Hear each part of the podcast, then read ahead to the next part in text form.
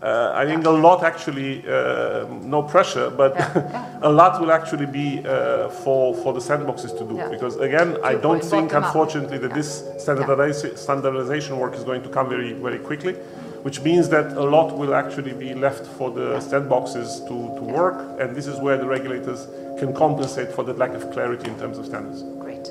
Her hører vi Dragos Tudorache. Han er medlem i Europaparlamentet og snakka her om at regulatoriske sandkasser vil få ei sentral rolle i å sette standarden for hvordan innovasjon med kunstig intelligens skal forholde seg til personvern. Lovgiverne er nemlig bakpå med å spesifisere lovverket til noe som er forståelig for den enkelte utvikler og gründer. Og derfor er det en utrolig viktig jobb sandkasser som den i Norge er i gang med å gjøre. Ja, det var Todoraces budskap da han deltok i en panelsamtale om sandkasser på årets personvernkonferanse CPDP i Brussel nylig.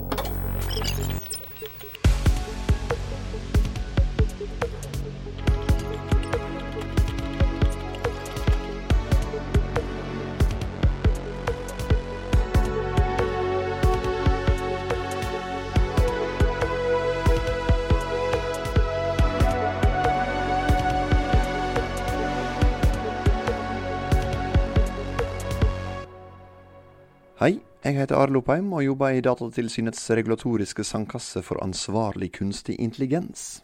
Og poenget med denne sandkassa er at Datatilsynet skal være litt mindre politi som kommer med pekefingre og klekkelige gebyr, og være litt mer i forkant. Forebygge og hjelpe gründere og organisasjoner med å sikre godt personvern helt fra start, når de utvikler kunstig intelligens. Og her i Sandkassen får du normalt høre om prosjekter som deltar i Sandkassa, men denne gangen gjør vi et unntak, og går utenriks for en bonusepisode. For nylig gikk en stor, sentral og årlig personvernkonferanse av stabelen, CPDP, i Brussel, og der sto Datatilsynets sandkasse som arrangør av en panelsamtale med overskrifta Sandstorm or just a breeze? What's the fuss about sandboxes? I panelet satt nevnte Dragos Todorace, medlem i Europaparlamentet, som har vært sentral i utforminga av AI Act, som for tida er på høring. Der satt òg Chris Taylor fra den britiske personvernsandkassa, og ikke minst Kari Laumann fra den norske sandkassa, i tillegg til Erlend Andreas Gjære fra Secure Practice, som var et av de første norske sandkasseprosjektene. Og eh, samtalen ble ledet av Bojana Bellamy, som presenterer seg sjøl, når du nå får høre panelsamtalen i sin helhet. Um, okay, hello everybody. Good morning. Uh, almost lunchtime, and thank you for staying with us um, before lunch. We are just waiting for our last. There he is. Ah, Dragos, please join us. Um, thank you so much. No, that's okay. We're just starting. No, I know. But the other people have taken longer time, so we'll make sure we take a little bit longer, but we won't keep you very much. So, good morning, everybody. My name is Bojana Bellamy.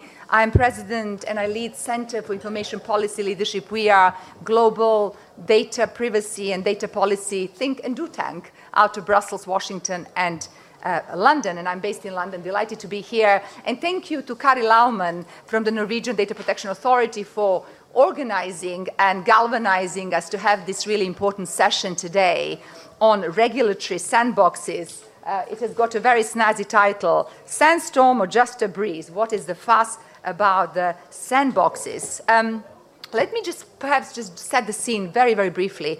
Um, what are sandboxes? So that we know what we're talking about because i know lots of people read different things in this. Um, these are innovative regulatory tools that are normally set up by a regulator to enable responsible innovation and safe experimentation in, the, uh, in a particular regulatory area. They stem, they started in the financial services, but are now spreading all around uh, digital areas of regulation. And it's a very good way for a regulator to engage with the organization that is launching a product or service in a regulatory sandbox and have that constructive engagement and feedback loop to in, ensure that this product indeed is launched in the compliant way. But what you would kind of say, so why, why do we need this? Well, because in this new world um, of data protection, uh, digital transformation, um, sharing of data, um, you know, adoption of new technologies, really, we are lagging behind in how we deliver and develop uh, our laws and how we deliver implementation. So we need a better way to engage with those who are creating new technologies and products and services in a way that is not just old-fashioned command control rules, tools, and enforcement, but given there are so many gray zones, given there are so many areas that are still developing both on technology and the policy and law side, this is an interesting way to ensure that continued dialogue.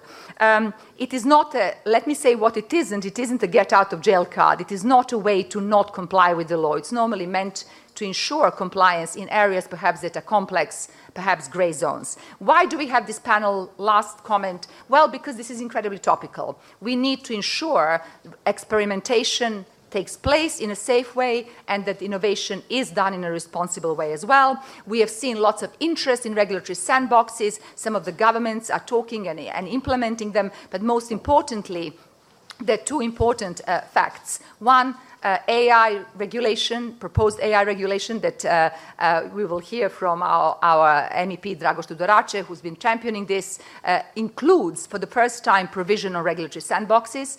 But even before that, we did it first. Uh, the area of data protection, some of the data protection regulators are actually uh, uh, ex officio themselves building regulatory sandboxes. And here we've got, um, uh, in fact, representatives from the Information Commissioner, ICO, as well as the Norwegian Data Protection Authority, who were the pioneers in um, developing and adopting regulatory sandboxes, and we will hear from them today. There are some others like CNIL in France who are also doing the same. So um, we at CIPL have been calling for sandboxes, published a paper in 2017 or 18. I honestly can't remember post-COVID, everything is a blur, um, but have been very much calling for this, and I'm delighted to see this taking place. And there's a very good report for those of you who are following this by OECD last year um, that is actually calling for sandboxes. So um, as I say, um, this is um, going to be interactive. We've got four phenomenal uh, panelists with us. Uh, there'll be questions and time for questions as well.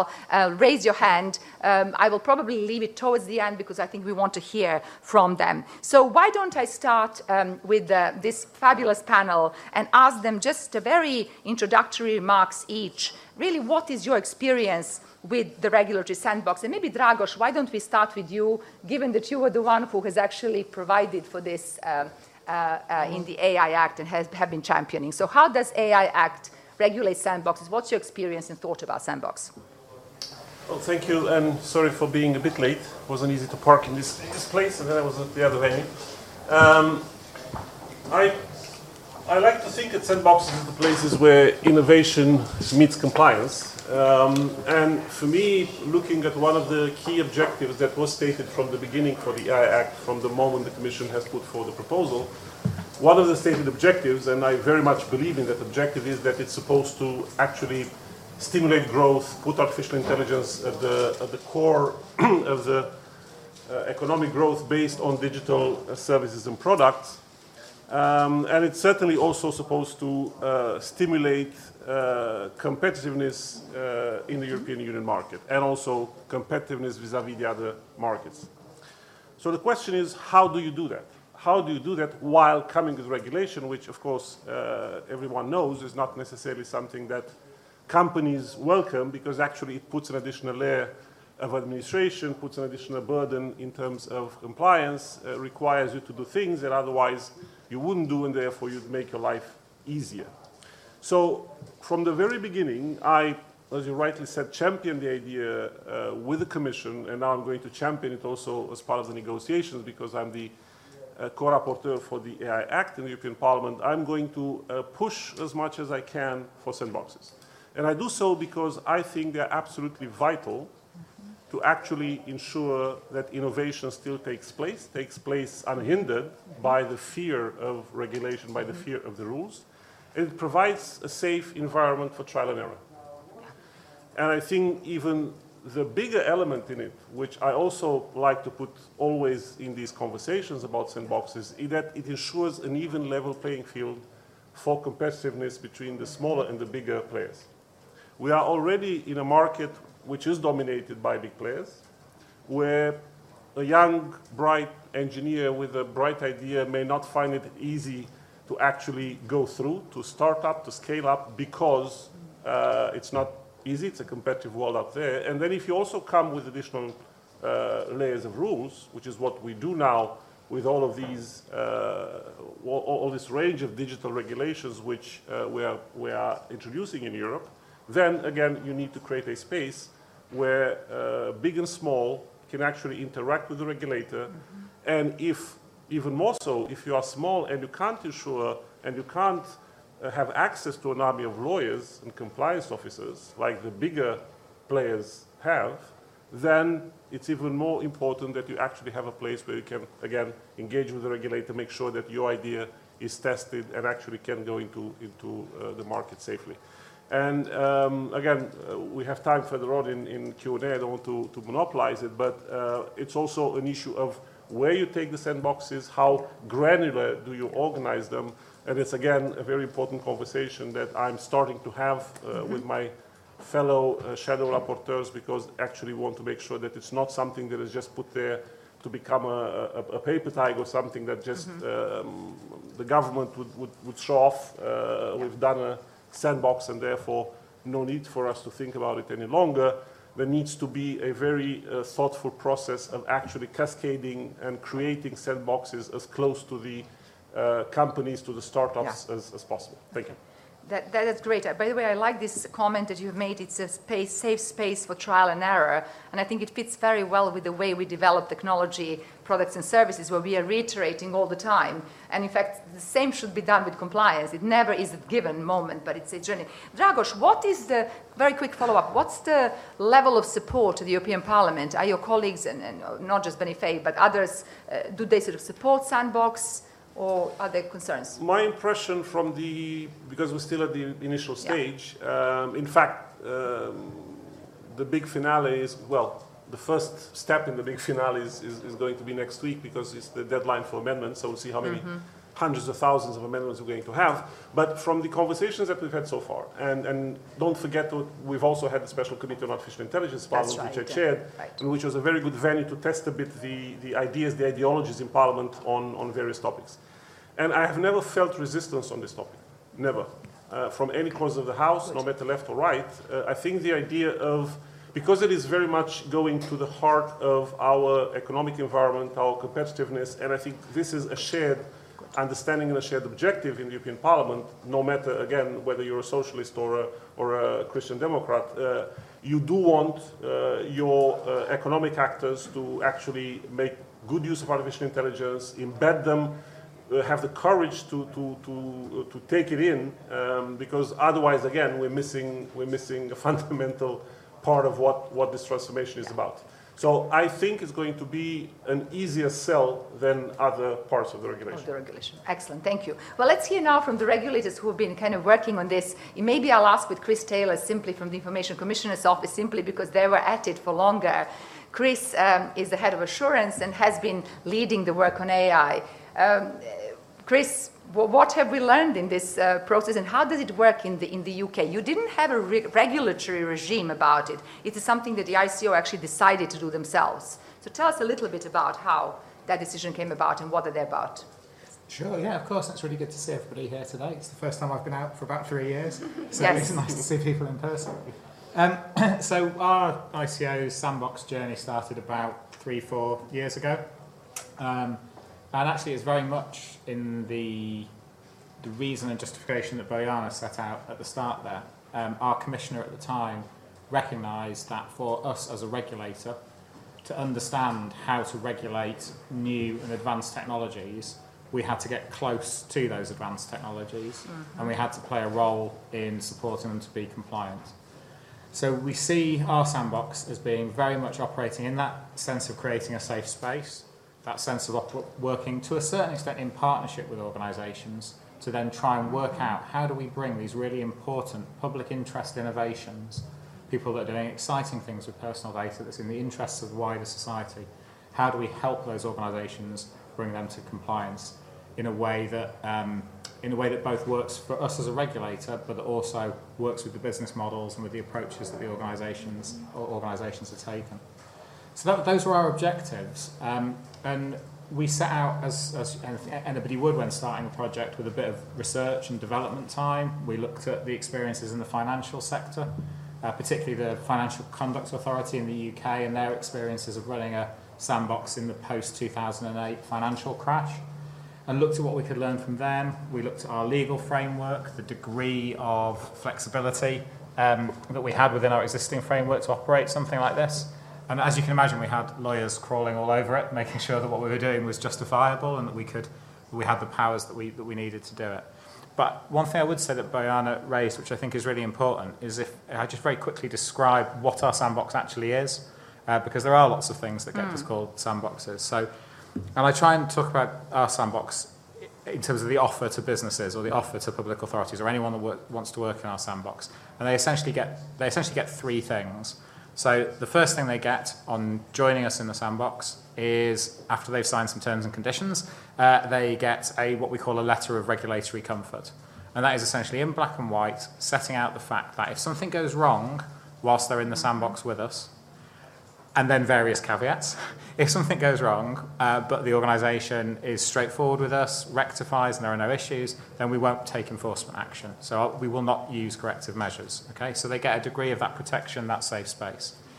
And then the main offer, the main thing that the organisations get when they're in the sandbox, is essentially the provision of data protection informal advice. And that can take all sorts of different forms. We've sat in on development sprints, we've run workshops, we've done data flow mapping, we've looked at privacy information. Anything that you can think of that has a privacy divine, by design element, we will look at providing some level of advice or steerage over. Then that's all defined to a particular plan based around the innovator's particular objectives for their product or service. So that's the second thing that they get. And then the third thing uh, is uh, an exit report.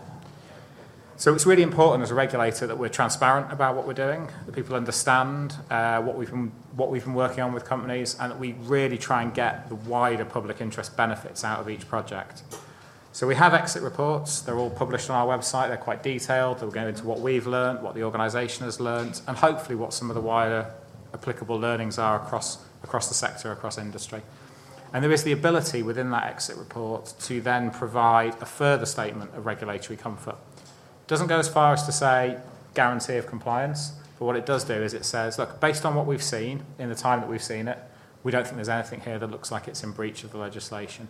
So it's the combination of those three things that organisations tell us is a compelling offer to be involved in the sandbox. And then skipping forward, so we set up the sandbox like that. We did it in partnership with innovators. We did it working with CIPL, uh, who ran a workshop for us very helpfully. Developed a lot of the systems and processes in public and with consultation. We've worked through a pilot phase with 10 different organisations, and I think we're up to about 30 or 40 organisations that have now gone through the sandbox at various stages. So where, where we're at at the moment is we've had lots of learnings along the way, which maybe we'll come back to. Mm-hmm. Um, but where we're at at the moment is using our sandbox now to really focus in on particular key regulatory challenges for us. So still in quite broad areas, but using it as a targeted regulatory tool mm-hmm. to address known challenges in the innovation world. They're still fairly broad, so they're covering big broad topics like the use of privacy enhancing technologies, mm-hmm. um, supporting safe and effective data sharing, uh, and we're also particularly interested, not least because of the Children's Code in the UK, in children's online safety mechanisms, technologies looking to support yeah. privacy of children online. And we've got a whole range of projects working through there. I could go on and on about yeah. our sandbox, we'll as you can probably tell by now. So I'll, I should probably stop at this point. Otherwise, I'll just keep no, going. thank you, Chris. and, and, and, you know, big shout out to the ICO for being brave enough to kind of start with this, but also to engage so constructively. A couple of things you have said. Um, you said it actually enables us to be close to the business, close to the product, to understand what's happening. And I think there is this element of also regulator learning on Absolutely. the ground as to what happens and, um, and important public interest, right? So there has to be just the real reason why this initiative is good for the bigger goal, which I think is a good criteria, but we'll talk about that as well. Um, Um, how does Norway differ from this or not? Obviously, your sandbox is, is a bit narrower. It relates to AI technologies, uh, but I know you were sort of also looking at what the ICO has been doing. So tell us a little bit about yours. Yes. Well, we definitely got inspired by the ICO. Uh, we were on a field visit uh, to you guys some years back and got inspired. And we sold this idea to our government, which included it in the national AI strategy. Mm-hmm. And the sandbox was born in this strategy, and it, it's also nice to have it kind of embedded in the national system um, as such. Um, yeah, so the journey from there um, is that we also see that this is super relevant in Norwegian society. We wrote a report on AI and privacy in 2017, and I was quite disappointed when I spoke to companies in Norway because AI and all these possibilities and all the hype, but reality was that it wasn't really used much uh, by Norwegian companies. Some chatbots and some very basic use, but uh, not really. But I see a big change now. The applications that we get to the sandbox shows that all sectors uses. It's in health, education, welfare, gaming, you name it, and AI is there. And I think this is what we're going to see in the years ahead, that this is yeah. going to be used to. I think we see a, going to see a little bit of a catch-up effect, like it's been kind of holding back, but now the technology is there and available. And it's also very uh, encouraging to see uh, the companies that apply. They, they want to do good, they want to deliver good services, but they also want to to have good privacy for the users. And I think this is also the goal of the sandbox to help companies uh, with responsible innovation.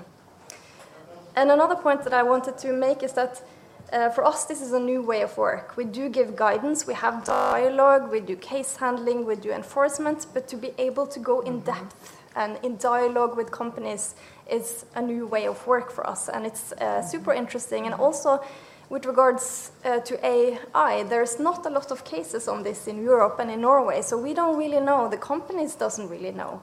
The companies tells us, okay, we have the GDPR, we have general guidance, but how does it work in practice? And I think this is where the sandbox is given unique opportunity to dig uh, deeper into issues where we don't know the answer when it comes to fairness transparency, data minimization, what does it mean in practice in AI cases? And um, for us, it's been one and a half year of sandboxing now, and uh, we have learned a lot. I hope the companies, uh, one of the participants is here, has learned, but I can notice at the DPA, we are having discussions about AI that we could only dream about having a year ago uh, because we need to understand not only the technology but the legal side, the business side, the communication side, the design side, a lot of uh, different aspects of uh, using uh, personal data in AI applications.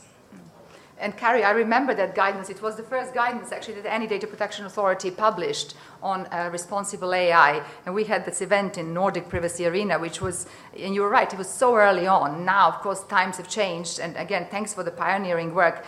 Um, I was just looking on my phone trying to find, but I couldn't quickly. In today's FT, uh, a professor whose name I was trying to find, sorry, he's a um, professor at the ESADE um, Business School in Barcelona. He talks about why there hasn't been such a huge adoption of AI in Europe and in all companies. And he says there are a number of reasons, and of course, technology, ability to have data, know how, talent. But he says those that have adopted technology are going to be miles ahead competitively than those that haven't. It's going to be a massive differentiator and competitiveness. So you all talked about competitiveness. We really need to enable Europe to use AI in a responsible way. Otherwise, really, we all be, be left. And even within Europe, there'll be two two-way Europe. So it's kind of, please have a look, FT Today. I'm sorry, I just couldn't find quite the name. Um, okay, well, let's hear about the company who has actually bravely um, gone and done this. Um, um, Erlend uh, Andreas Gjære is from Secure Practice in, in Norway, and um, you are actually a startup, SME, small company that has benefited from. So, why did you do it? And what did it? What was it like? Yes. Uh, well, just uh, to tell you a little bit about our background. Or tell about your product. Yeah, exactly. or secure practice. We, we help people stay safe uh, in a digital world, and our business model is really simple. We sell licenses to companies uh, who then provide training uh, to their employees. Uh, so we make money out of that, not by the data and the, the value of the data as such, but still. Um, we think uh, we could, uh, we wanted to, to, to create more uh, personalized training, which uh, helps pe people uh, better, more efficiently, and effectively. Uh, so we wanted to personalize this. And to do this, we had an idea of kind of, we wanted to profile employees with kind of a, a risk assessment to, to find out, of course, their knowledge, level of knowledge and interest. And based on this, uh, we would be able to then, uh, with uh, machine learning, uh, artificial intelligence, uh, provide more, uh, better training. Um, and so, privacy in the workplace. Um, that's like a big topic, and we understood quite earlier from from Norwegian DPA that this was a big topic for them as well. we saw the sandbox. I have personally, I have a background in uh, as a research scientist uh, from academia and applied research uh, in security and privacy research. I worked with like privacy by design and, and this for like since since my master's thesis, and I always kind of had this. Um, I've, I've, been aware that it's not like a zero sum game to work mm -hmm. with mm-hmm. privacy. It is possible to achieve functionality mm -hmm. without always uh, compromising on privacy or vice versa. Uh, if you just like get really deep enough into the problem, and uh, of course, with like the the legal uh, constraints or uh, uncertainty uh, we have, there is a bit of a risk to dive into like yes, we want to build a project product that kind of is risky and uh, also, we, we know it was like when we pitched our idea for the sandbox application, it was like a bit controversial to like profile employees and companies. At least in Norway, this is a bit like, okay, do we really want to get into that uh, uh, that topic? Um, and we were a bit tabloid in our application, but that worked. And uh, as I understood, it was like, uh, yeah, uh, let's do this to try to see if there is actually a way, if we like really want to grasp this problem really thoroughly. Can we find a way to do this? Uh, which is good, because after all, if people get hacked, it is really bad for their privacy. And, and, tell me, are there business benefits for you from participating? That, is your product better because of this? Are you able to perhaps use this in your pitches to the clients and say, well, actually, we went through the sandbox. Have you got some publicity? Good one, hopefully as a result of it? Well, of course, we got publicity. Uh, uh, we, we got uh, we learned a lot from from working uh, so focused with uh, the DPA on on these like exploratory sessions. We did these workshops both with the like with the legal side and with uh, yeah, Kari, you participated. We did focus groups. We did meet like the the Norwegian Equality and Non-Discrimination Ombud we had a meeting with the workshop with um, uh, labor organization. Yeah, uh, so we got to explore a lot mm-hmm. and let's trying and failing bits. Of course, we weren't like bound to fail. We, we thought mm -hmm. there would be a good chance we'd get out alive. uh, but but uh, of course, we, we had to be a little bit brave. So some have like uh, approached me and said, "Yeah, so looks like you, you, you came out of it alive." When you see like the report is out now uh, in English as well. Uh, so uh, and I'm glad we kind of learned the things we did, and it provides transparency and, and uh, certainty assurance for, for potential customers. Good. Okay, well, why don't we then go into the questions and do think about your questions as well um, and, and, dig a little bit deeper. I'd like us to think a bit about sort of really what is um, um, Sandbox for? and in our, in our prep call, we talked about is this a large scale driver of innovation or is it a bit of a regulatory scalpel? Or perhaps laser, laser where you just sort of her on the edges. And let me say why, I why we're asking this question. Uh, you know that even today, and we, we wrote about this at CIPL as well, I mean, that there are tensions between some of data protection principles, for example, of GDPR, and then also how AI works. And I know the AI Act is trying to, um, right, Dragos, address some of these. We've seen now better allow, allowment for use of sensitive data um, to ensure that algorithms are not biased or not discriminate. Um, but there is also purpose limitation and its, its contractions, data minimization, uh, retention. We need lots of data for AI. We need to share data but GDPR kind of sometimes stops us. So there's some real trade-offs that need to be done, and I would kind of hope this is, would be a good place for Sandbox to test some of these things. Uh, is that the case, Chris and Laura, um, uh, Kari? Has that happened in your cases? Were you testing some of these trade-offs? Maybe you can tell us a little bit about. And Dragos, how do you see this? I mean, is this a, a chance for us to, without regulatory change, sort of tweak a little bit how these different laws all fit together in these digital files? Yeah, Dragos, go ahead. Well. I think there's something that is missing, and it's quite fundamental in the current um, landscape, which is standards. Um, I don't think that when even the Commission thought about the new range of digital legislation, um, that they've actually put enough thought in how would we actually then arrive once you've defined the broad concepts, the broad legal definitions, how do you arrive at standards? Because again, for the engineer uh, to actually put together a set of technical specs on the basis of you telling him that these data sets have to be free of bias. Uh huh. what does it mean? How do I, as an engineer, translate that requirement that you've put in the law into specs for my product? That's the question. And if I don't have standards, that are actually written in a way that, uh, for me as an engineer, as a developer, it makes sense, and I can actually, again, translate them into what I do, then I'm, I'm, I'm lost. And I think the sandbox can only do as much. And the answer to your question is that you go from there to the scalpel, depending again on how quickly there will actually be a concerted effort to put together standards that would also, by the way, make sense between the different pieces of legislation that we're going to have soon, more or less all of them coming into effect at the same time. Because if we look at, at, the, at the DSA, the Governance Act, the Data Act, the AI Act, so all of these things will more or less be hitting the market at the same time. Yes. And again, I'm, and, i and I started to, to put this pressure on the Commission to start very seriously thinking how will we very quickly arrive at a place where we have standards. Right now, if you look in the actual proposal of the Commission, and I don't agree with that approach either, is they say up until there's going to be standards, we, the Commission, will be writing specifications. That I don't think is right. Because I think when drafting standards, one needs to be as close as possible also to those that are, again, playing with this technology you need to do them bottom up. Right. And the commission sitting in an office and writing technical specifications is not the answer. Yeah. It may sound appealing, but it's not the answer.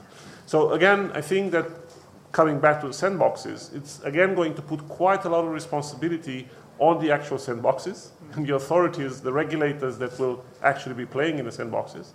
Because in the absence of those standards, there's going to be, that's why I said at the beginning, a lot of trial and error, and a lot of doing both broad brushes as well as scalpel work uh, to be able to help uh, basically compensate for lack of clarity in terms of standards.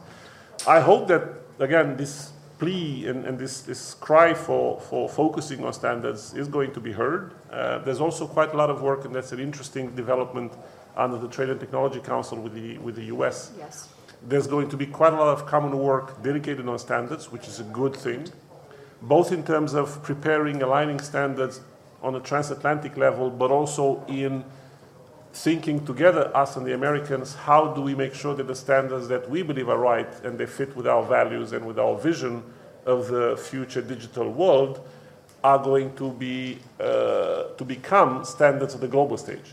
Because there you're going to clash with different visions coming from different players on the global scene, which unfortunately over the last decades have taken quite a center stage in many of the standard setting bodies in the UN and in the uh, landscape uh, at, at, at, in the multilateral organizations. And I think that's a, that's a very important work that will need to be at the center of the discussions that we have with like-minded partners. Do, do, do you think that, I mean, I appreciate the distinction and, and the need for standards, but do you think the sandboxes could be a good experimenting ground to actually start seeing these standards? Because that's be. where the regulators will see them coming. I have a lot of hope and trust and, yeah. and, and yeah.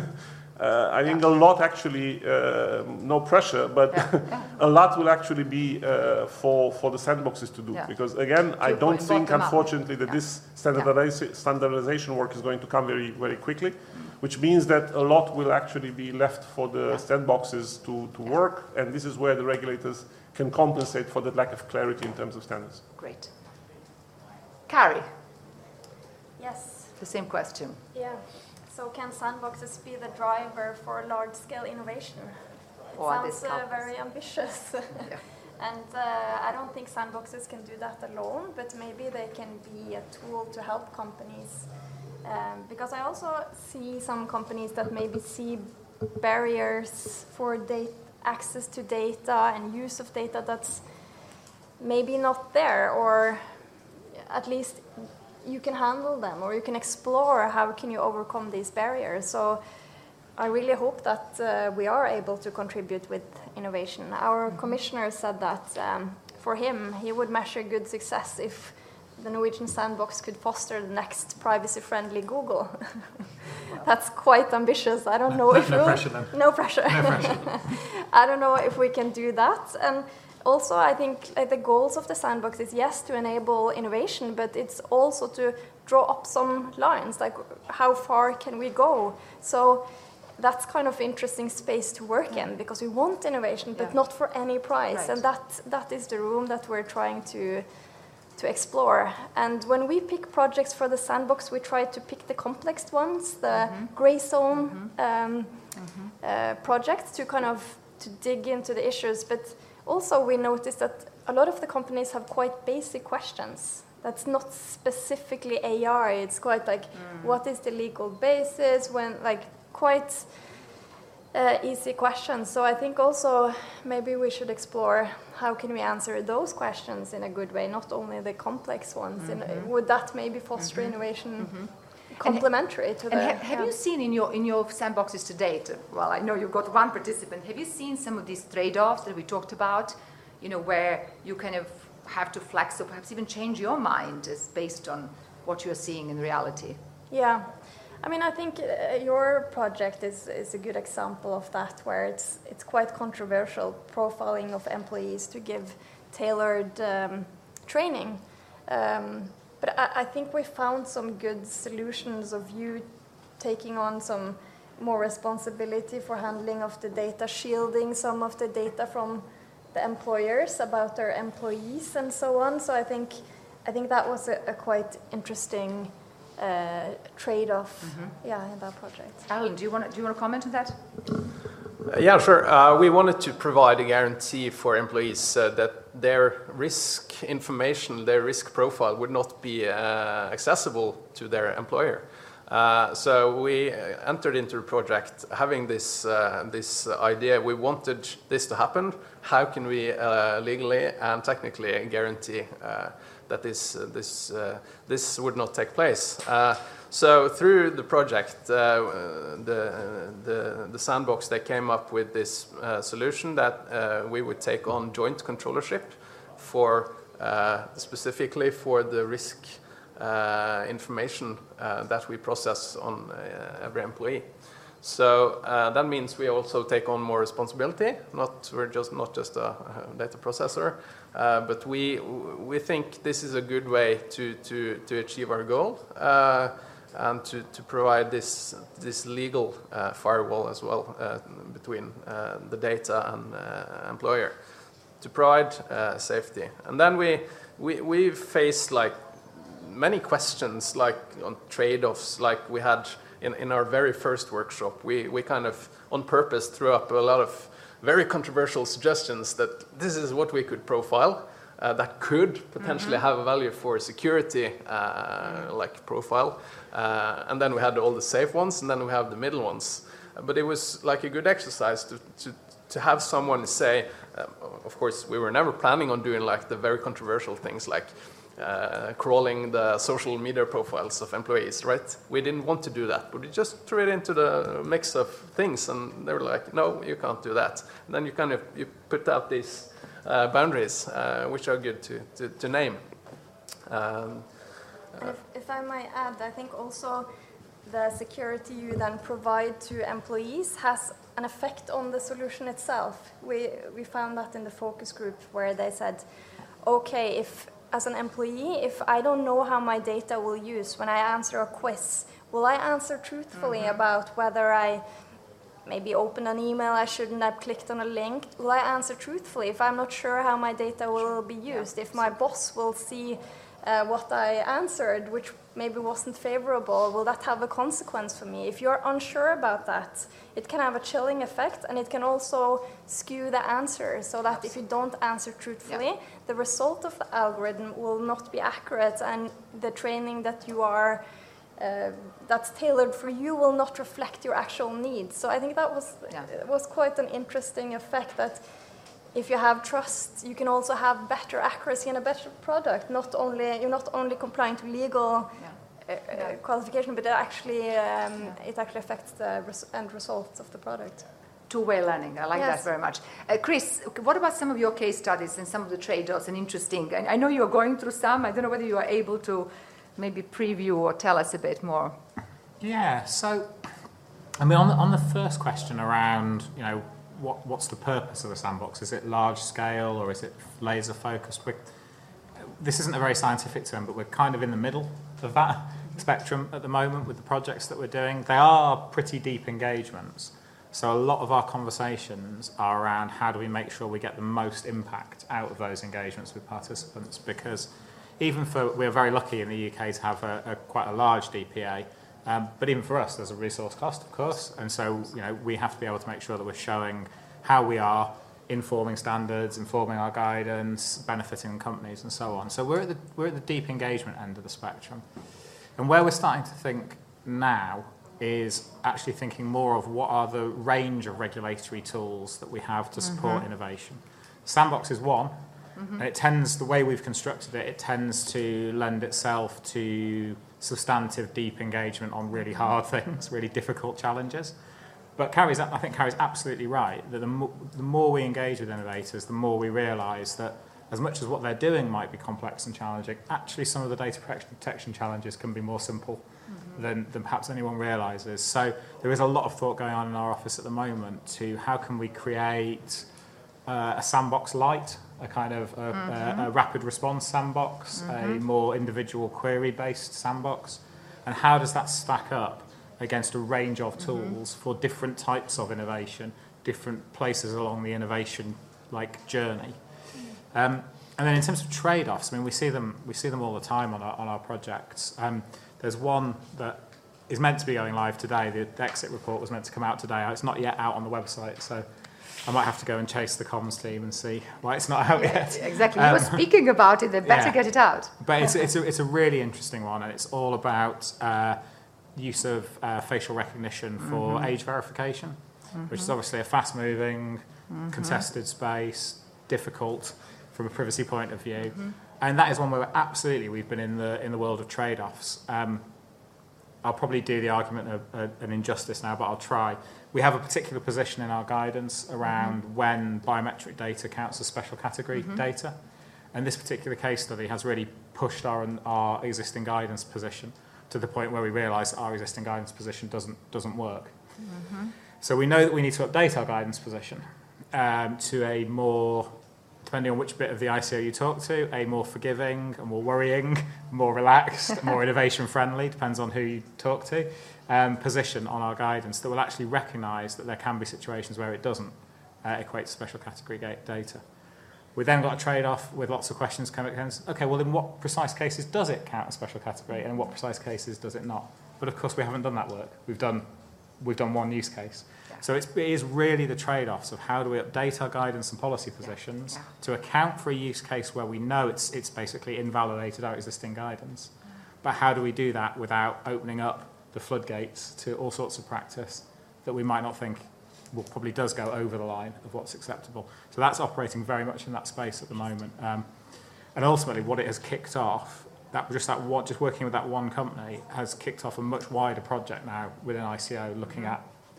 I mean, we're looking at biometrics in lots of contexts, but specifically looking at this particular issue mm-hmm. and recognizing the need for better standards, better guidance on this kind of area. So, for I mean, it was a, it was a challenging project, uh, but for evidencing why a sandbox can work and what it's, it's meant to do, it's absolutely on the money for pushing us and challenging us all to, to get those those standards, those boundaries in the right place. Right. Because it is true that you know facial recognition is is we've seen the discussions in the AI Act as well. You know, it raises concerns, but yeah. there, there is going to be more and more use of this. So the question is, which uses are potentially beneficial, and how do we do that? I, I, I particularly, I'm kind of thinking everything you have all said makes me think that, that these sandboxes are going to be really invaluable in this new world where we're going to have to do these trade-offs. I mean, I'm just think about, we talked about the AI trade-offs, you gave some examples. I mean, children's data as well. We're going to have children's protection on one side, but children's privacy on the other as well, children's right to, to information and then privacy.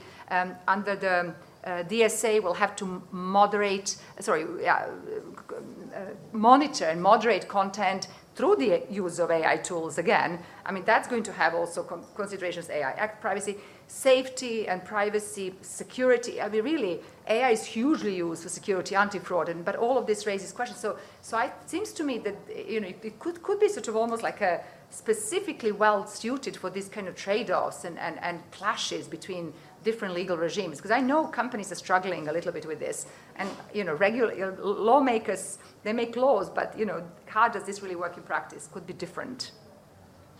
Uh, anyway, that's just a comment. But no, I, th- I, think, yeah. I, think that's, I think that's right, though. Yeah. I mean, if I can, I mean, sure, of course. There, there's a, there was a really good report um, a few years ago from a, a, a, an innovation think tank in the UK called Nesta, mm-hmm. and it was all about how regulators can react to innovation and the different options that they have available to them. And they talked in, in terms of three main areas. So regulators can try and um, provide advice to innovators. So it's an advisory function. They can try and adapt the regulatory framework mm-hmm. to take account for innovation. They can try and anticipate the yeah. future changes and make changes in advance. So yeah. those are the kind of three broad approaches that you've got. So I think there's a real question for how do we how do we move from providing advice on what we're seeing in terms of innovation now into the really transformational stuff, which is if we can get beyond providing advice into the anticipatory side of it, looking at where innovation is actually going in the future, and then making yeah. changes almost in advance of that. That. That was certainly my ambition for the future of it anyway. Right. But uh, we're still dealing with innovation as it's hitting us now. Exactly. Dragos. If I may just to add, because I'm very encouraged by what I hear from Chris, because in my mind that's exactly what I would like the sandboxes on AI Act to look like. I, that's why I want to push beyond what the text says right now and really institutionalize the idea of a sandbox to do actually all of the three things above. Yeah, yeah. Because I think that all of those three things are fundamental if we really want, again, for the AI to act as we wanted to act in terms of uh, driving Innovation. and not actually becoming a, a, a, nuisance, a problem, always a, a spanner mm. in innovation, in, in thinking and in developing your business. Mm. Uh, if we want uptake, if you want buy-in into the mm. technology, if you want it to go granularly into everything we do, which is what the trend seems to be, again, you need to create all of the above. You need to be anticipative, you need to be adaptable as a regulator as well, because this is going to be a technology that will constantly change. Absolutely it will leap uh, constantly from one reality to the next. And already the rules that we're working on right now, they're going to be most likely obsolete, some of them in, in, in six months, in one year, in two years' time. And I think sandboxes, again, if you set them right, uh, if you set the role of the authorities, of the, of the regulators in these sandboxes right, mm-hmm. if you also provide the right stimulants for them to actually do these yeah. things, both be anticipative as well as be advisory uh, in, in what they do. I think then, again, these places can really become the, the, the engines behind uh, the implementation yeah. of, of, this, of this text and of all the other texts, in fact, because I think that the same approach is needed for, for all the rest.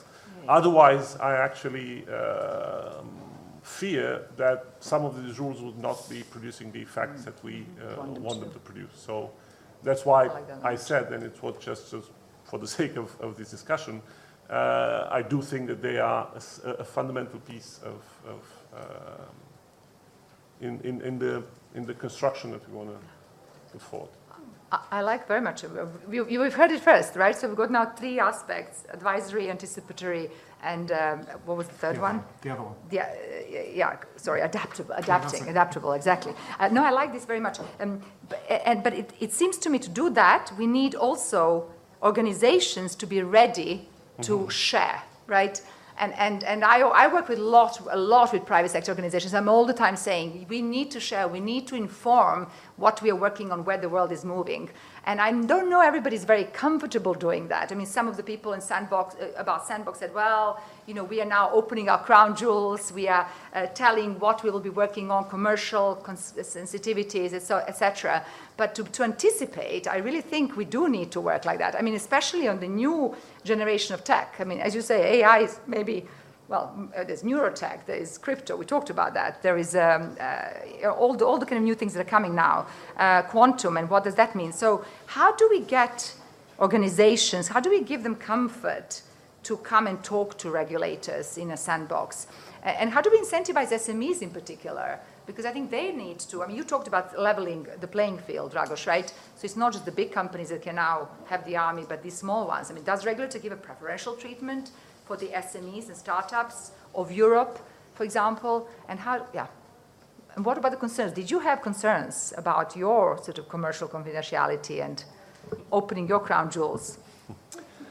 Uh, well, of course, there are uh, measures to protect our crown jewels, although we engage with uh, the DPA in, in the project, so it's not like uh, the whole world will get insight into everything. Uh, but we also were aware that, okay, if, if we want to uh, use this project uh, not only for our own sake to, to kind of do things right, but actually build trust, we need to be transparent as well. And transparency is, of course, uh, can can be uh, well uh, daunting. Uh, sometimes, if you're a startup, you have your priorities. You need to do everything all at once from the get-go. but but of course, I think building trust requires you to be transparent. Uh, I think there were many many benefits to the project for us as a startup. Just getting access to the legal expertise through our project. Um, to get these discussions in a kind of gray zone area that we were we were like in the state of okay we haven't built the project yet uh, product yet but we were kind of in the phase of building so like uh, it was very good for us to do this at the time we did it because we would know uh, we wouldn't build stuff that wouldn't uh, cut uh, cut it with the, the, the privacy uh, legislation. So, so I mean, we had so much value from the project. We uh, like we started like we, we, were three and a half years old, the company. Uh, now we're soon five. We got the exit report a couple of months ago, but didn't contain any surprises, so of no. course, but we kind of got out alive. And then also we, we get some good publicity. And of course, for SMEs, yeah, sure, and that is also a positive factor. Yeah. Uh, I can't uh, disguise that fact. But uh, yeah. Kari, you, you, do you give this letter regulatory comfort the way the ICO does? No, but the ICO was very kind to share like what kind of documents they had when we built our sandbox. But I also think maybe the, the, there are some differences in culture because we felt like, oh, if we give this contract to the company, yeah. it will maybe scare them away. Like, so mm-hmm. we kind of try to be open at the website, like what mm-hmm. we'll do and not do.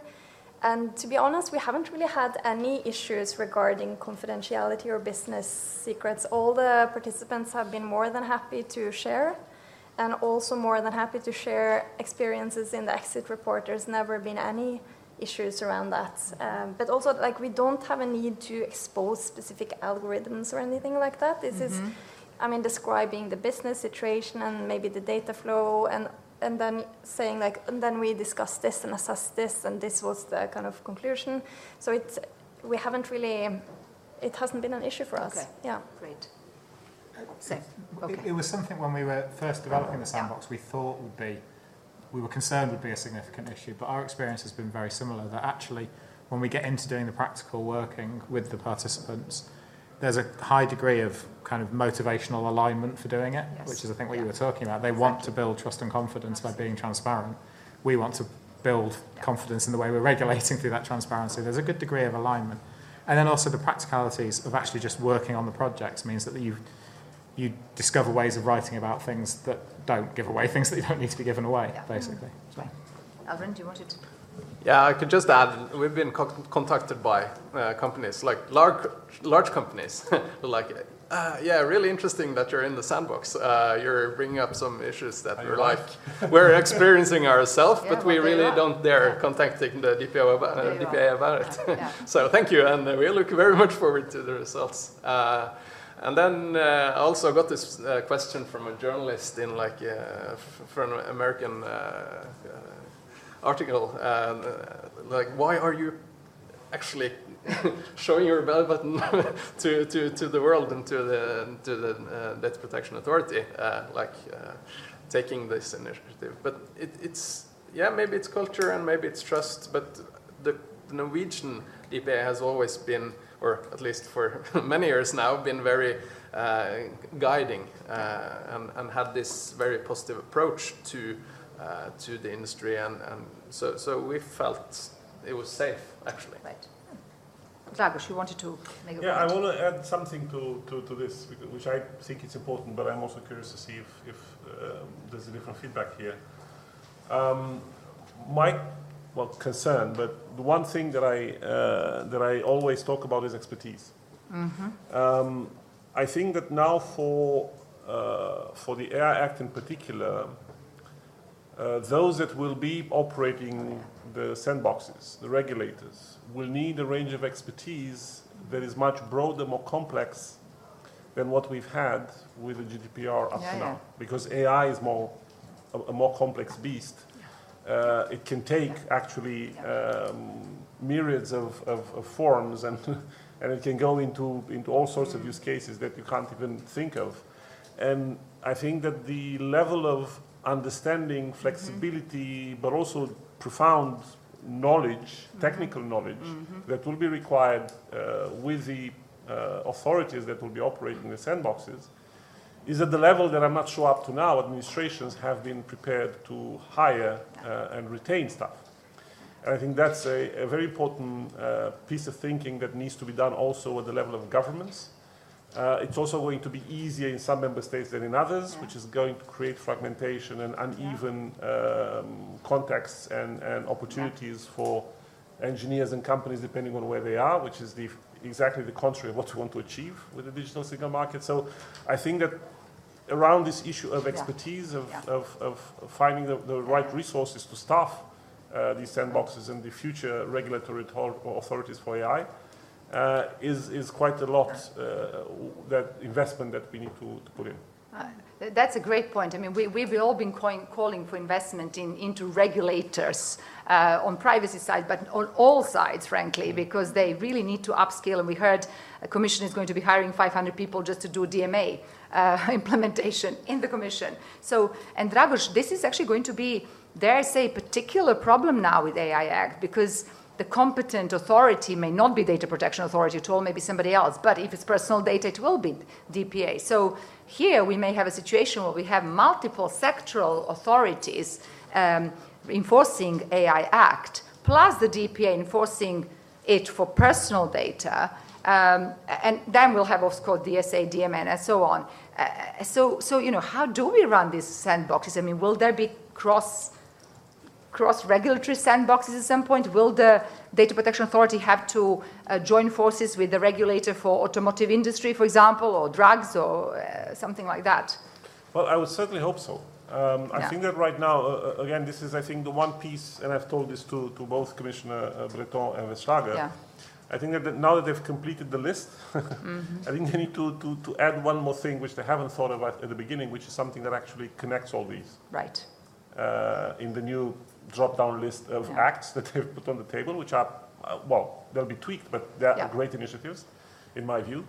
Uh, but I think the one thing that is missing in terms of governance and in terms of coherence is something that actually Pulls drives through all of them and puts them together. Yeah. And I think that in the design, and the thing is that the effort that is being done right now to align somewhat the models between the DMA, DSA, AI Act, uh, Mm-hmm. etc., is already not a bad thing. So, for example, now in the AI Act, you might have seen in my initial Yeah. report, we pushing for a model that resembles somewhat the DSA, or a bit the competition area with the two layers of competence, Mm-hmm. central and, and, and national, and also with a much stronger AI board. But from my point of view, that's not enough. Because even if you're going to have a stronger board at the European level to ensure coherence, even if you're going to have some of the competencies Mm-hmm. for regulating some type of the algorithms and Mm-hmm. the use cases that are really at a scale where national regulators can't interact with them properly. So even if you'd have all that, you still have a board for AI Act, a board for DSA, a board for uh, Data Governance Act, and so on and so forth, which Yeah. in my mind is nuts. Uh, it's nuts because, again, you, you, you're really not doing what you say you want to do in terms of creating that single Yeah. market, allowing companies to actually play out the benefits of the entire uh, 27 member states market, so on and so forth. A market that already has its own um, intrinsic issues in terms of fragmentation, different Yeah, languages, so on and so forth. Right. So I think that if we don't do an effort now, at the design stage, uh, to actually find a way to mix these things up at every level possible, so from, from the European level, all the way to the national level, or even if we go down to the regional or municipal, so that in a sandbox, if I go in there, I'm not only reacting and interacting Yeah. with the DPA, but I'm also interacting with whoever will be the AI authority, maybe the DPA, maybe some, Yeah. some different authority. Another la- layer of complexity, maybe different member states will choose different solutions. You may have some member states that will decide that they would appoint the, their, their data protection regulator to also be the AI regulators and others that may not. Uh, so again, that would result in madness if there's no effort to, to bring all of this together. And I think the sandbox is again a place where you can also test a bit how That's you actually bit do it this. work, right, right. Um, Yeah. So, uh, one extra reason why I believe so much in, in, in the very practical uh, uh, use of, of sandboxes. Well, sandbox for the sandbox. Yeah, exactly. Sandbox for sandbox, exactly. Um, Chris, is there something we could learn? And I, I, I mean, you know, there are other countries which are experimenting. Is there something we can learn from the UK DRCF? This is the Digital Regulatory Cooperation Forum, and it's been uh, it's been copied now by Netherlands. Uh, Australia is also doing something similar, where the four regulators competition, privacy, uh, Ofcom, which is content, DSA, right? And um, um, what did I say? Consu- no, no, fina- financial service, fi- financial, financial, of them. Um, we're sitting together and kind of have got a program and plan and working on things. I mean, is, I mean, I think I think it's an important part of the landscape. Yeah. So the DRCF, I think, is, is about a year in existence now, uh, and it has a program of work that is looking at issues that are germane across all of the space. So the, the Competition and Markets Authority are, are definitely involved as, as well, because a lot of these issues cross competition law as much as they do any other space. Um, I'll speak really frankly from a personal perspective. The, the, the ambition is brilliant. The reality of working across multiple regulatory regimes and multiple regulators' organisational boundaries, structures, priorities, funding streams uh, makes some real challenges for delivery. So, certainly in the first year, what the DRCF have focused on is, and again, this, this is going to sound less scientific than the people working on it would like it to sound, uh, but by just let's do some things together right? Let's Yeah. find some activity that we can all agree on that are hitting all of our priorities, and let's get working together on what they are. It may not be perfectly designed, it may not be in the first year, but we need to start doing some of this cross-regulatory work to start actually creating the pathways between the organisations, the relationships, the models of working, so that we can build that sense of collaboration over time. So I don't think it will be a big bang type no. effect, but I think you will see increasing coordination Right. across the space. And the DRCF has been a really, really important, Right. really important model for that. And the, and the sandbox, just as just as running joint investigations, just as running joint Yeah. exploratory work, researching new areas, could be a possibility. So, of course, could you know could be some sort of joint sandbox activity. And we have actually done, um, but coming at it from a slightly different direction, some joint sandboxing work in the past. So. Um, our government ran a, a funding competition uh, to support regulators being support, a funding competition to support regulators supporting innovators, Yeah. um, which we used to essentially try and insert the concept of data protection sandboxing into other regulators' innovation spaces. So we worked in partnership with the Financial Conduct Authority. They have their own sandbox. We put together a little team to go mm-hmm. in, and when a, an organisation was going through the Financial Conduct Authority sandbox, they could also get advice on any data mm-hmm. protection mm-hmm. issues. And we also did some work training the Financial Conduct Authority staff in data protection, in basic level data protection, so that they could actually provide some level of data protection expertise uh, themselves onto the sandbox. And we did other things with some of the other regulators as well, our Civil Aviation Authority, I think our Energy, uh, our Energy Authority, and a range of others. Now, that, that funding's come to an end, and we're starting to think about how we go forward with it. But that interface space is the thing that innovators want, you know, we think, to go to one place to get multiple sets of support, multiple sets of advice uh, in a way that's coordinated. A- absolutely, I think that's got to be part of the, part of the future. Well, that's one, one, one perhaps easier position that you find yourself as UK, right? Uh, Less regulators to coordinate than the EU has got. Um, but, but Kari, the world Dragos describes, uh, it's going to be, I mean, obviously you are EEA, you're not even quite EU, but you will have to also work with the European regulators. I mean, do we, can we imagine a world where there will be mutual recognition? For example, so if somebody has, so let's say Ireland is now wants to launch this same product in France and, uh, you know, in the EU. I mean, it's gone through the sandbox. Um, there is some kind of mutual recognition that this product is safe, safe and sound and good, good enough, right, by other regulators. So, do you see that kind of international cooperation arising, or something else? I mean, there is a lot of cooperation in Europe when it comes to GDPR, and it's not all easy. I think uh, it's the learning from these four years. Um, but in terms of sandboxes, I would love to see more cooperation to harmonize the guidance that we give there. I could imagine that we pick the same kind of topic or technology mm-hmm. and maybe have some exchange across projects. Cross That I think that would be super interesting. Maybe explore fairness, or maybe explore one of the new technology that Or maybe see EU sandbox, just like there's a national, there could be kind of at EU, Could just be. like certifications. We had both, right? Certifications at EU level, seal, and national. Could maybe be. something like yeah, that. and also we can dream. Yeah, we can dream, and also in terms of competency, as as Roger says, it's super hard to have that and build that competency. And if you can use uh, cooperation to Yeah. to share and and help each other build competency, I think that's a, a good thing. Okay, I see lots of questions. Okay, please grab the mic, or there is one there, and come and start queuing. Yeah. Uh, oh, sorry, just there, next to you. Thanks. I'm Stewart Dresner from Privacy Laws and Business, the world's longest running publication on this subject, 35th anniversary this year. My point on this subject is that we published an article on, Onfido, one of the first graduate from the UK scheme, and we published an article which I'm happy to make available. Now, facial recognition, we heard of Clearview, which hit disasters investigations in the UK, Canada, mm-hmm. Australia, being banned everywhere. But Onfido, having gone through the UK sandbox, has had no regulatory problems. They did it the right way. So we wrote an article about that, which I'm happy to make available to everyone. All you've got to do is give me your email address and I will send it to you.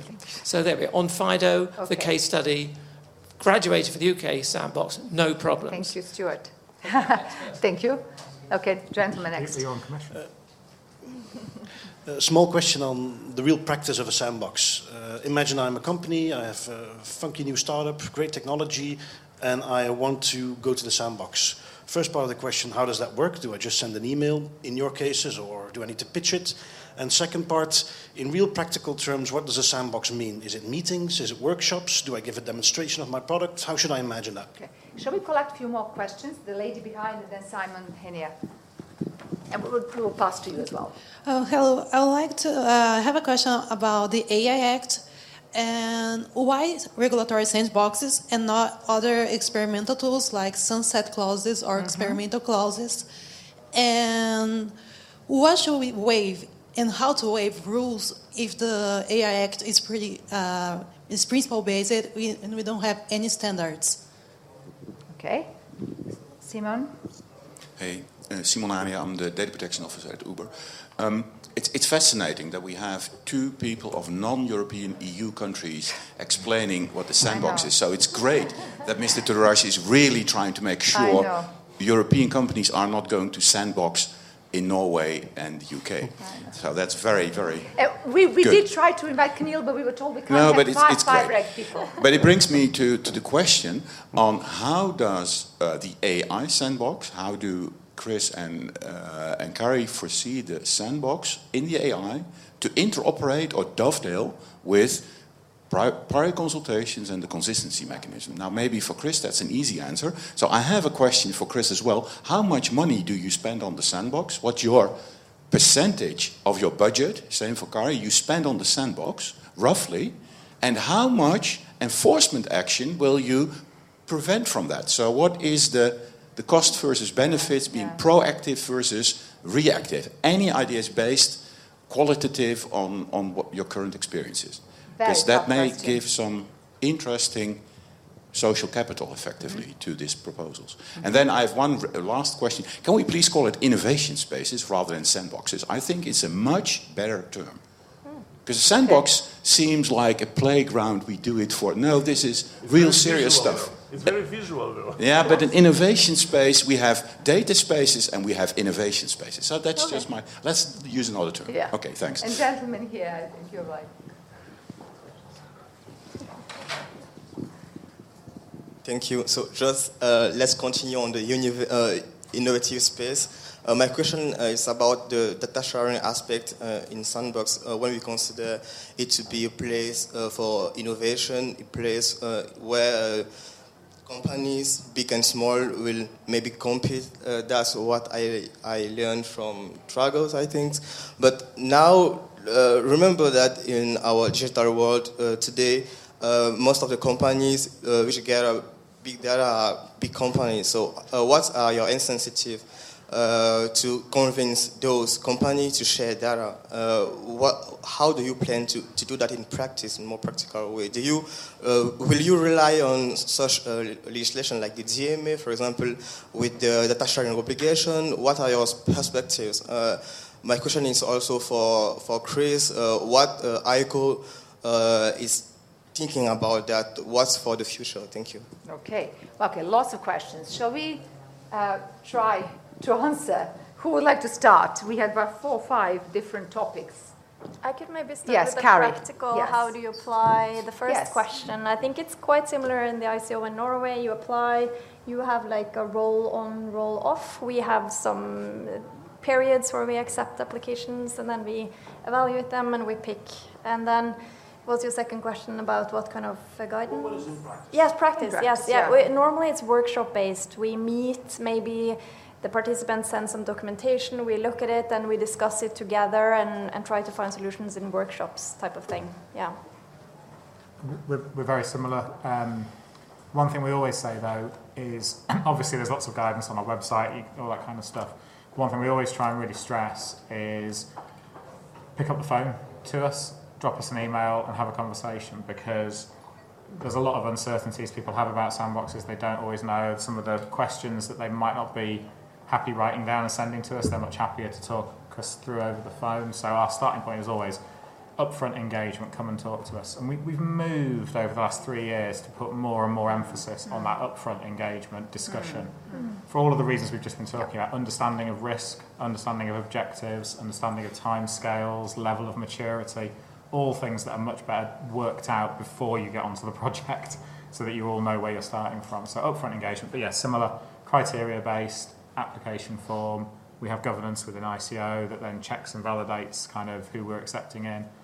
And then on the projects itself, a written sandbox plan where there are particular data protection challenges, queries, things you're not sure about, which we'll then look to explore with you in whatever way works. So, similarly, workshops, reviewing documentation, iterating with us, trying to develop things together hmm. is essentially what it looks And like. And Chris Kari, how long do they take normally, your projects in the sandbox? Yeah, longer than we thought they would. Um, Okay. So that's definitely Is it one three of the, months, eight months, ten? We th- we tend to we on the team we have an informal rule, which is if it's going longer than a year, it's been too long. Okay. Um, so we try and keep them to less than a year. Okay. Realistically, most of them don't get done with between three months and a year. I would say is the kind of sweet spot for doing something material that is worth doing, but without becoming their DPO.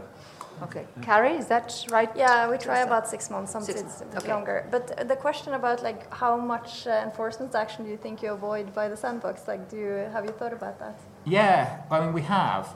It's quite difficult to put pound signs and euro signs on exactly the amounts, but I can give you a feel for the staffing. So the ICO sandbox has one manager and three senior case officers, so operating at a sort of senior technical level and like a middle management kind of level. So the direct staffing costs are probably around, probably all in maybe three, four hundred thousand, possibly, maybe a bit less. Um, we bring in subject matter expertise from around the office as well, depending on the project. That doesn't tend to get costed onto the project. Um, maybe somebody, someone will do that, and then it won't look as good. Um, but at the moment, yeah, we don't cost those onto it. Uh, the benefits in terms of the enforcement side and doing the comparison, I mean, we haven't tried to put numbers on that, but if I just take if I take one of one of the bigger and more impactful projects that we're working on at the moment, so we're currently working with our betting and gaming industry. Um, we're working with the trade body, some of the biggest gambling companies in the UK, to try and help them put in place innovative data sharing. Thinking about the amount of data that's involved in that, the scale of it, the challenges that there would then be in terms of enforcement if that were to go wrong, I think it just prima facie stands up Yeah. as being cheaper to do it through the sandbox Yeah. than to let it run and the risk of it going wrong and then all of the costs involved in enforcement. Mm. I haven't put, we haven't put numbers on it. We should do, and that's definitely the challenge that I'm getting from my leaders. Mm-hmm.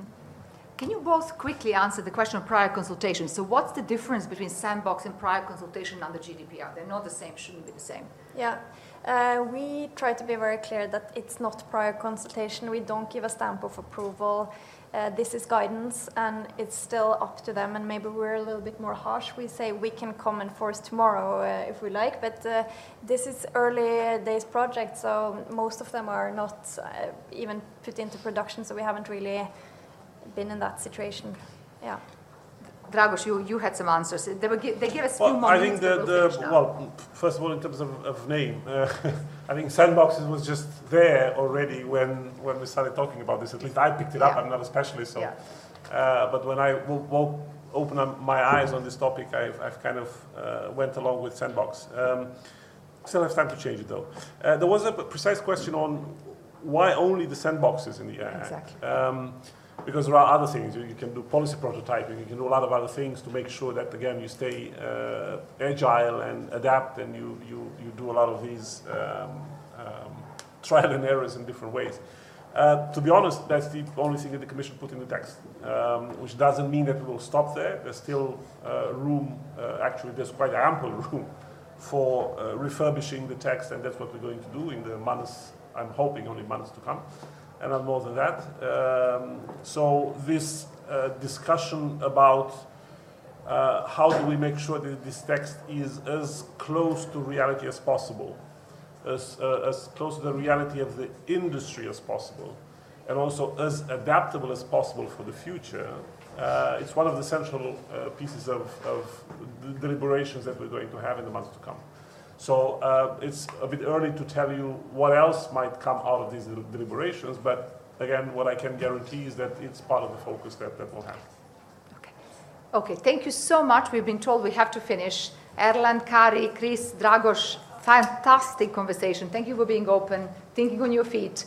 We, we prepared some of these questions, but my gosh, it took us everywhere, the conversation. Thank you for the good questions. I'm sorry if we haven't quite answered all of yours. There is lunch served, so you can grab uh, our speakers there, but we have a human right to lunch as well, I think. So thanks a lot, everybody. Det var applaus for panelsamtalen Sandstorm or Just a Breeze? What's the fuss about sandboxes? fra personvernkonferansen CPDP 2022. Takk til Privacy Salon for lydopptak.